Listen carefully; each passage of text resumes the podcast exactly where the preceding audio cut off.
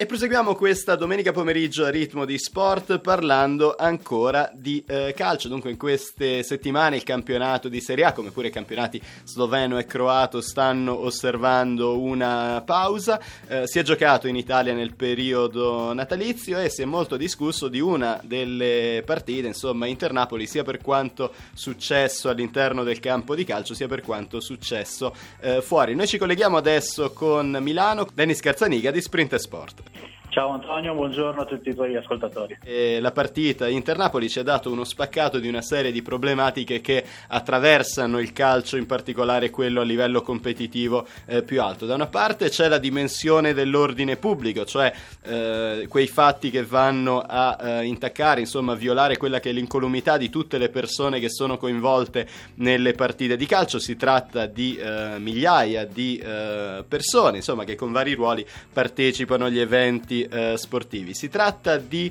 eh, problematiche collegate alla discriminazione, vale a dire quegli atteggiamenti, quei comportamenti che vanno a violare eh, l'identità delle persone coinvolte. Insomma, si tratta di una serie di insulti più o meno marcati eh, che indirizzano quelle caratteristiche non modificabili dell'identità degli individui e si tratta anche di problematiche collegate alla violazione, diciamo, di quel senso di sportività, cioè a quella mancanza di cultura eh, sportiva, a tutte le violazioni ai regolamenti, ai principi che giacciono dietro questi eh, regolamenti. Ehm, ovviamente si tratta, insomma, c'è stato un omicidio che è avvenuto al di fuori dello stadio eh, Meazza, si tratta di una serie di eh, bu o comunque di eh, ululati, insomma, che eh, hanno coinvolto un giocatore del Napoli in particolare Koulibaly. Si tratta dell'applauso dello stesso Koulibaly che ha rivolto al direttore di gara subito dopo essere stato ammonito e quindi ottenendo il secondo cartellino giallo che ha portato all'espulsione. Ovviamente alcune persone insomma, che parteggiano tendenzialmente per il Napoli possono trovare delle attenuanti di- dietro questo comportamento di Koulibaly, tuttavia dietro quell'applauso giace comunque un comportamento per certi versi eh, antisportivo. Eh, per quanto mi riguarda la dimensione dalla quale si originano molti di questi tipi di problemi riguarda proprio questo terzo aspetto che potrebbe sembrare quello più marginale, cioè io credo che alla base di tutti i comportamenti devianti collegati all'interno del mondo sportivo ci sia una mancanza di cultura sportiva, ci sia una mancanza di eh, rispetto delle regole, di accettazione dei principi appunto che giacciono dietro eh, le regole. Io credo che il vostro giornale insomma sia molto interessante perché tratta di calcio dilettantistico e tra i lettori eh, che voi raggiungete ci siano proprio i giovani e tutti quei volontari, insomma, che sono per certi versi una delle espressioni migliori del panorama sportivo, insomma, che per larga base si basa appunto sull'attività eh, di volontariato. È una dimensione che voi cercate di eh, sottolineare all'interno della vostra attività, questa della cultura sportiva? Allora Antonio, guarda, mh, mm, premettendo ovviamente che, eh, come hai detto giustamente tu, diciamo che abbiamo chiuso il 2018 non nel migliore dei modi, insomma ne avremmo fatto volentieri a meno tutto questo elenco che, che hai fatto sui fatti, a partire da, da, dall'omicidio del tifoso passando per tutto il discorso del, del razzismo. Noi eh, a livello di giornale ovviamente non ci occupiamo di Serie A, eh, quindi ci occupiamo di un bacino diverso, però eh, insomma le problematiche eh, anche se ovviamente eh, vengono a galla in maniera diversa, sia per l'impatto mediatico che può avere appunto un fatto che succede in Inter-Napoli piuttosto che in una gara per il giovanile o di serie B di eccellenza o di posizione o ancora più in basso, nella terza categoria. Eh, trattiamo questi temi perché di fatto eh, ci troviamo a trattarli in maniera quasi obbligata. Guarda, io ho appena scaricato adesso il comunicato ufficiale della Serie D e ho una società multata per 3.000 euro con gara da disputare a porte chiuse per insulti razzisti a un giocatore ho un giocatore squalificato per 10 giornate, sempre per insulti razzisti a un altro giocatore. Qui siamo eh, più sulle cose di campo, ma abbiamo anche una società che ha preso 600 euro di multa perché i tifosi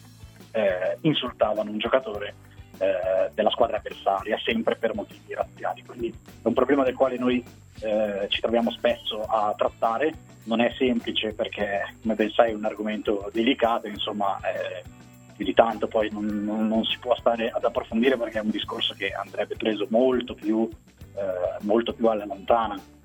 E mi riferisco anche un po' al, a quelle che poi sono le sanzioni che ad esempio vengono, vengono date, cioè eh, chiudiamo la curva di San Siro, sì, è un provvedimento provvedimento che poi lascia un po' il tempo, il tempo che trova secondo me perché la soluzione sicuramente non è quella, cioè a me fa anche un po' ridere una, una, decisione del genere perché che cosa si aspettano? Che poi tra due giornate i tifosi tornano allo stadio e dicono ah no non facciamo i burazzisti perché sennò ci chiudono la curva ovviamente insomma sappiamo tutti che non è così eh, a noi capita di, di, di, raccontare fatti anche a livello di settore giovanile purtroppo eh, soprattutto nella juniore che è una categoria un po' problematica tra virgolette nel senso che è un'età eh, si, si giocano ragazzi di un'età insomma un po' delicata questo punto di vista parliamo appunto dell'under 19 ragazzi di 18-17 anni. Eh, ecco lì, soprattutto nei campionati provinciali, dove magari le società ancora non riescono a, a, stare bene addosso diciamo, ai ragazzi, succedono un po' di, di, ogni settimana. Ma ti ripeto, guarda, ho visto adesso il comunicato della Serie D ed è un bagno di sangue, tra virgolette, sotto, sotto questo punto di vista. Noi raccontiamo, noi raccontiamo quello che succede, diamo spazio a, ai protagonisti e quindi eh, c'è anche da dire che spesso poi le cose vengono un po' ridimensionate, è un po' anche un po' il gioco delle parti, chi commette questi, queste ingenuità, eh, però insomma non sono, non sono, sicuramente cose belle. Il 2018 è, iniziato, il 2018 è finito male il 2019 non è iniziato nel migliore dei modi, almeno nella Serie T, poi vedremo cosa succederà in Serie A e quant'altro. Io sono d'accordo con te quando dici che le sanzioni da sole ovviamente non servono a risolvere il problema. Io credo che poi la soluzione del problema passi attraverso il coinvolgimento di tutti quelli che sono eh, le persone, insomma i profili di persone che sono coinvolte eh, nello sport. Io credo che poi la stragrande maggioranza di queste persone appunto che seguono nello specifico il calcio, insomma, non hanno niente da spartire con questi comportamenti eh, devianti e molto spesso io credo che poi tutti i tifosi che vanno allo stadio, tutte le persone che guardano magari anche la partita in televisione, eh, si sentano per certi versi impotenti rispetto ai eh, protagonisti, diciamo, di alcuni gesti che di fondo poi rovinano il pomeriggio a, a tutti quanti. Io credo che una cosa importante, un ruolo importante lo giochiamo anche noi giornalisti, insomma, noi che raccontiamo quello che succede, perché poi se si va al, al netto, eh, le gesta degli sportivi secondo me sono una parte minima dell'evento sportivo in sé. Il modo con cui anche viene espressa la narrativa degli eventi sportivi ha un peso, secondo me, eh, importante. Per cui mi chiedevo se anche all'interno del vostro giornale, considerando che tanti dei vostri lettori, al di là della juniores, che è una categoria problematica, sono poi quei ragazzini che per eh, un ventaglio, diciamo così, di tempo, si spera il più possibile ampio, continueranno a frequentare il calcio, saranno poi le persone che daranno vita alle competizioni di, di, tutti i livelli. Quindi mi chiedevo se anche si riesce, secondo te, a, a, creare, non so, delle campagne, delle iniziative che possano in un certo senso rivolgersi proprio a questi, a questi giocatori giovani. Guarda, sicuramente sì, sicuramente sì, nel senso che hai detto, hai detto perfettamente, eh, la stampa, i giornali, eh, tutto il, mondo mediatico ricopre, può ricoprire un, un, ruolo importante. Anche lì io sorrido quando mi dicono eh, eh, però se, se, raccontiamo queste cose gliel'abbiamo vinta a loro perché quelli che fanno il burazzista eh, poi sono contenti che escono sul giornale e le persone parlano. Ma mai niente di più uh, sbagliato e è assolutamente tutto il contrario perché quando succedono cose del genere secondo il mio modo di vedere è giusto sensibilizzare quindi tirare fuori il problema parlare del problema in maniera tale che chi ti legge capisce che quella, chi ti legge di giovani, che poi quello appunto è il nostro pubblico, come dici bene tu, eh, abbia bene in mente che quella è una cosa non positiva. Se non se ne parla perché poi gliela si dà vinta, ehm, ho paura che poi passi il concetto esattamente contrario, ovvero che il ragazzo giovane che legge il giornale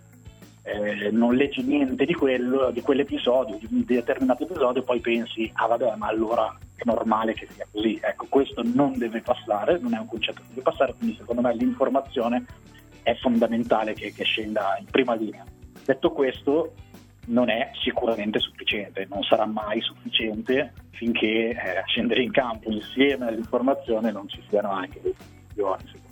Ma guarda Dennis, io credo che probabilmente i calciatori direttamente coinvolti e le squadre direttamente coinvolte eh, farebbero bene a, a, smettere di giocare quando si verificheranno episodi simili in futuro. Credo che i direttori di gare, insomma gli arbitri, piuttosto che tutte le autorità che hanno questo tipo di eh, potere, insomma, possano magari avere il coraggio di interrompere le partite quando si verificano determinati eh, comportamenti. Credo che il pubblico stesso possa magari applaudire i calciatori che sono fatti bersaglio di comportamenti e atteggiamenti discriminatori, magari magari intonare dei cori in loro supporto, anche se si tratta di calciatori che giocano magari per la squadra per la quale non fanno il tifo. Quello che credo che sia poi l'aspetto deprecabile che magari tante dinamiche che si osservano nei campionati di elite vengano riproposte anche a livello di attività di base, dove lì davvero non c'è nessun tipo di ragione per escludere un ragazzino, per escludere una persona che magari va al campo per passare un pomeriggio in modo costruttivo, insomma, da un'attività giocosa e sportiva che dovrebbe indirizzarsi proprio alla totalità delle persone. E caro Dennis Carzaniga di Sprint Sport, rimani con noi che tra poco continueremo a parlare di calcio dilettantistico che è poi il fulcro dell'attività informativa del vostro giornale. Ciao, sono Josep Pilic, anche io ascolto il ritmo di sport su Radio Capodistria. E proseguiamo questa domenica pomeriggio a ritmo di sport e questa chiacchierata con Dennis Carzaniga di Sprint e Sport toccando uno dei temi che eh, di tanto in tanto torna all'interno di eh, ritmo di sport che è la crescita dell'inattività fisica. Questo fenomeno riguarda particolarmente eh, l'Italia, andiamo a toccare un punto più eh, problematico addirittura del calcio che in Italia probabilmente rimane comunque lo sport principe, vale a dire la questione collegata al vincolo. Dennis Carzaniga di cosa si tratta? Allora, qui cambiamo completamente argomento momento, parliamo del vincolo sportivo. Noi eh, sostanzialmente abbiamo, eh, abbiamo, capito, abbiamo studiato un po' questo problema e abbiamo deciso di eh, portarlo alla luce. Mm, in poche parole, qui ci vorrebbero ore di trasmissione, ma so benissimo che non le abbiamo, quindi cercherò di sintetizzare. Allora, il sportivo, il problema del vincolo sportivo è eh, un problema che affligge determinate eh, categorie di giocatori, pressoché eh, per lo più giovani, eh, che eh, sostanzialmente si ritrovano dopo aver firmato il vincolo con la propria società di appartenenza, eh, per qualsivoglia problema, un giocatore non viene impiegato oppure non si trova più con i compagni, insomma ci sono tantissime motivazioni per le quali un giocatore vuole cambiare squadra e si ritrova di fatto prigioniero della società per la quale ha firmato. Eh, cosa vuol dire? Vuol dire che eh, molto spesso eh, un ragazzo firma il vincolo che lo tiene alla società, lo tiene legato alla società dai 16 fino ai 25 anni. Quindi eh, se a 18 anni il giocatore non ha più voglia, vuole cambiare, come ho detto per qualsiasi motivo, eh, molto spesso succede che eh, non ci sia un cambio di, di squadra eh, con le società che si mettono d'accordo per un rimborso, eccetera, ma eh, vengano chiesti poi anche ad esempio dei soldi alle famiglie. Le famiglie sono costrette a mettere mano al portafoglio per liberare il proprio figlio. Te l'ho detta in due parole, in realtà c'è un mondo dietro che noi abbiamo seguito per mesi e stiamo continuando e continueremo a seguire eh, in tutte le sue sfaccettature perché eh, insomma parla, c'è la possibilità di firmare il vincolo annuale, c'è la possibilità di firmare il pluriennale, c'è un mondo dietro che eh, è difficile riassumere in, in una telefonata. Il problema però centrale è proprio questo, che abbiamo una percentuale di abbandono dell'attività sportiva molto molto molto molto alta perché i ragazzi non riescono a, eh, una, una, volta capito che magari in quella società non, non, non c'è più modo di, giocare perché il livello è troppo alto, perché eh, il mister appunto magari fa altre scelte, eh, non ci si riesce a liberare da questa società per andare a giocare magari a un livello più basso.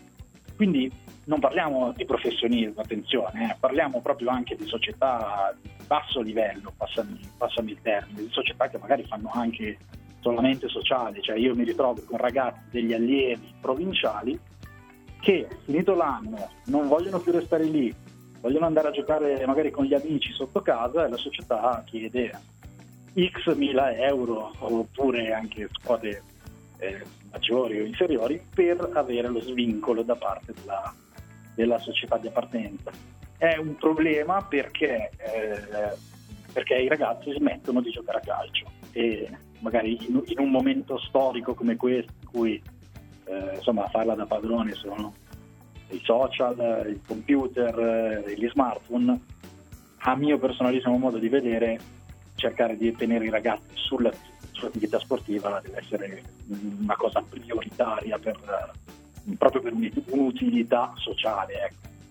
Ma non succede anche il fenomeno per certi versi contrario, cioè magari un ragazzo che si vincola con una determinata società, magari arriva una società di livello più alto che lo vuole, magari questo ragazzo non può andare, magari non può sviluppare una carriera perché la società per la quale si è vincolato per una serie di ragioni, insomma economiche o per ripicche personali, non lo lascia andare magari anche questo può portare alla demotivazione verso la pratica sportiva e comunque è un comportamento per certi versi eh, contrario rispetto a quello appunto del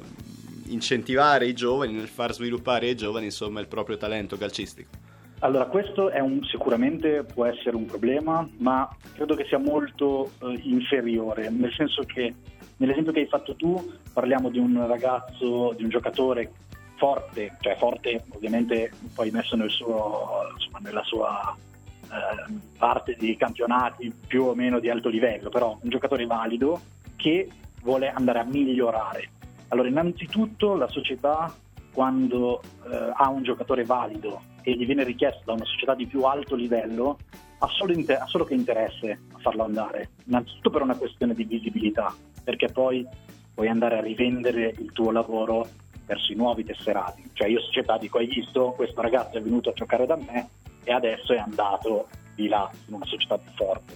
Quindi è anche un, un motivo di, di orgoglio per la società stessa. È vero che qualche volta non si riesce a trovare un accordo, però in linea di massima il giocatore è valido e quindi in qualche modo poi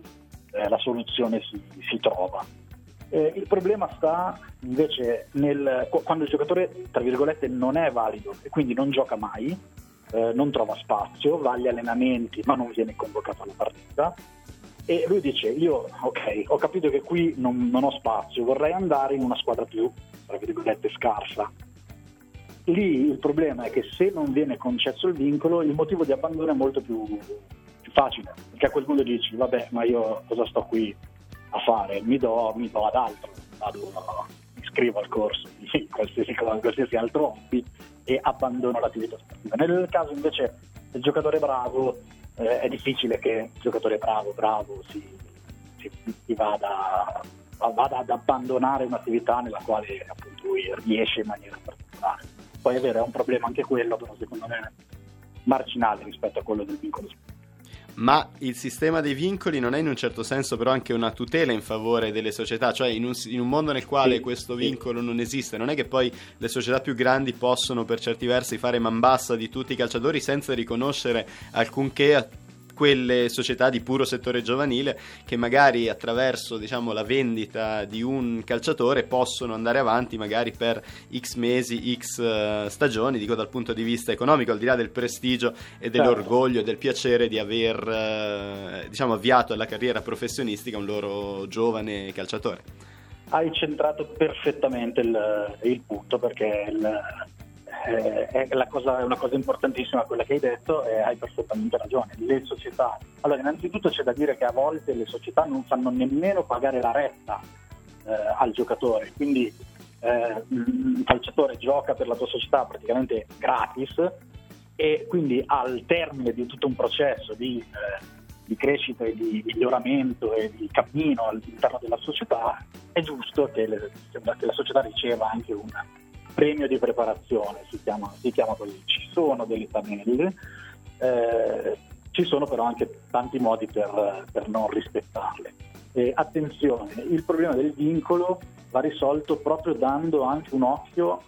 fondamentale a questa cosa che hai detto tu, cioè tutelia- le, le società vanno tutelate assolutamente perché fanno un lavoro, perché mettono a disposizione dei, dei tecnici che vengono pagati e quindi è assolutamente giusto che la società sportiva riceva un indennizzo. Eh, noi abbiamo voluto portare alla luce questo problema mh, non tanto dando la soluzione, e cioè come dice Damiano Tommasi, anzi come diceva fino a qualche mese fa, perché poi mi sembra che abbia un po' accantonato l'argomento, aboliamo il vincolo.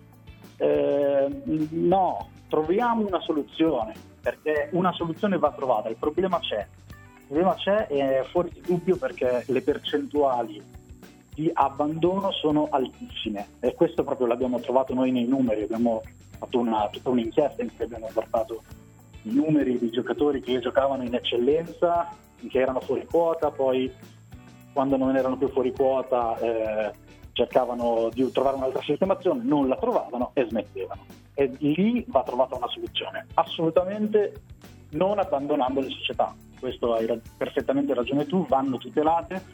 però così non funziona, bisogna, bisogna, trovare una soluzione. Io ovviamente la soluzione non ce l'ho, ma mm, non sono nemmeno io che devo trovarla, insomma questa è una situazione che deve risolvere secondo me la politica sportiva e tutte le autorità che si occupano di sport e calcio nello specifico. Un'altra curiosità relativamente all'evoluzione che c'è stata nel corso degli ultimi, direi, eh, decenni per quanto riguarda le società calcistiche, in particolare forse quelle di un livello tendenzialmente eh, più alto, insomma le varie professionistiche piuttosto che eh, nelle categorie più alte dei non professionisti, che è il ruolo del procuratore. Cioè, da una parte le società calcistiche prima avevano tutto un dipartimento più o meno sviluppato che si occupava di fare eh, scouting, quindi le società diciamo, andavano a selezionare quei calciatori, a visionare quei calciatori, a, tesserare quei calciatori, magari ad affiliarli, a inserirli in società satellite affiliate, insomma per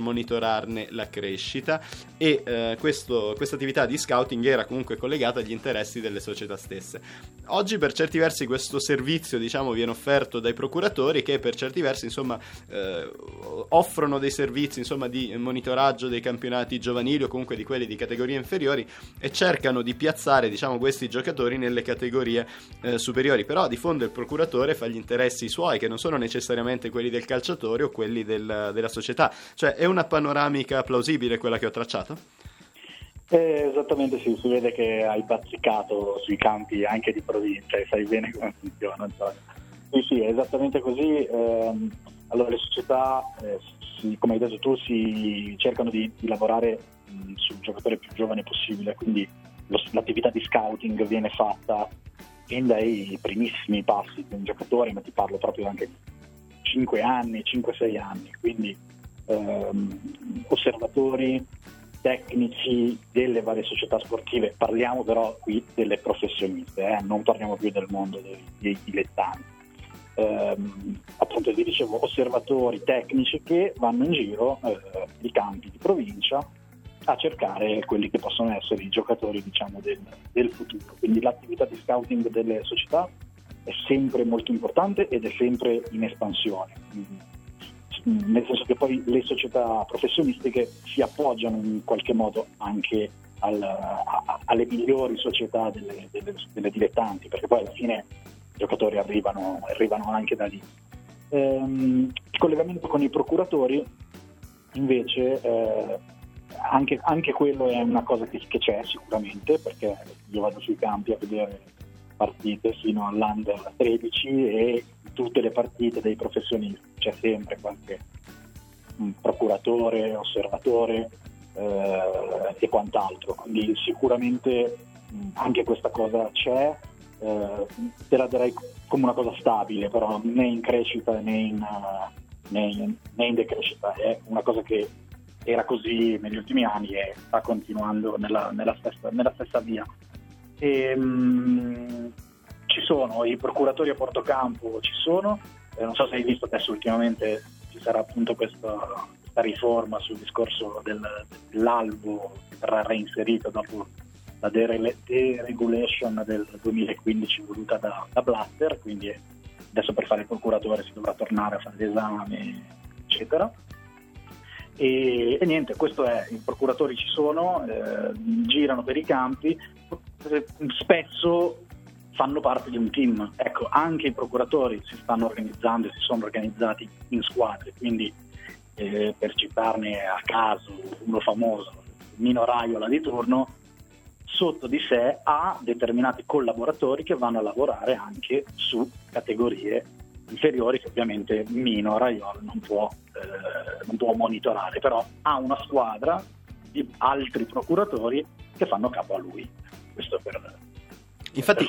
volevo parlare proprio di questa riforma, insomma, per questa reintroduzione dell'albo, perché credo che alla fine il uh, punto centrale, sia per quanto riguarda la questione del vincolo che per quanto riguarda il ruolo dei procuratori, siano per certi versi i genitori, e penso adesso ai calciatori più, più giovani. Insomma, un genitore, secondo me, deve trovare il modo di riconoscere un procuratore che sia valido, che sia professionale, rispetto a un procuratore che o fa i propri interessi o comunque è tra virgolette, un, uh, un, ciarlatano. E anche nella questione del vincolo credo che da una parte una delle problematiche che magari si sviluppa è che i genitori non sono necessariamente consapevoli di quelle che sono le opzioni disponibili eh, diciamo dal punto di vista regolamentare per collegare il proprio figlio con le società di, di appartenenza. Per cui in questo senso credo che eh, tutta l'opera eh, diciamo così di informazione che state correttamente svolgendo nei confronti eh, del vincolo abbia un valore aggiunto perché va a eh, colmare diciamo, un gap informativo che coinvolge tutti quei, tutti quei genitori che non sono necessariamente esperti di calcio e di regolamenti calcistici e di calcio giovanile. E, e, purtroppo, eh, chiudo, sono la maggioranza, sono sicuramente la maggioranza perché eh, anche qui hai centrato perfettamente il punto, quando si va a firmare per una società molto spesso non si sa che cosa si sta firmando, ma soprattutto non si sa che cosa si può firmare. Cioè, te la metto giù eh, terra a terra. Io vado in società perché questa società vuole far giocare mio figlio. La società mi mette un foglio sotto il braccio e sotto le mani e mi dice: Tieni, questo è il vincolo, firmalo. Però eh, ci sono diversi tipi di vincolo, c'è il vincolo annuale, c'è il vincolo pluriennale. Ovviamente la società tende nella maggior parte dei casi a farti firmare un pluriennale proprio per eh, un discorso poi di tra virgolette controllo, nel senso che se io firmo un eh, vincolo annuale a fine anno sono libero di andare, di andare un po', di andare dove voglio, insomma, sono svincolato automaticamente. Invece firmando il, il pluriennale sono vincolato alla società fino ai 25 anni. E questo è perfettamente quello che succede, hai ragione, ehm, anche se poi il procuratore eh, parliamo appunto sempre di professionisti, quindi quando si va poi nelle società professioniste è già un pochettino più, più, più, più difficile perché i genitori sono sicuramente più preparati, vengono preparati prima. Eh, il discorso di non sapere che cosa si firma si ha più nelle realtà, nelle realtà minori, però questo succede ed è proprio uno dei cavalli di battaglia che stiamo stiamo portando avanti, ovvero stiamo dicendo ai genitori informatevi prima di firmare, dovete sapere bene che cosa state firmando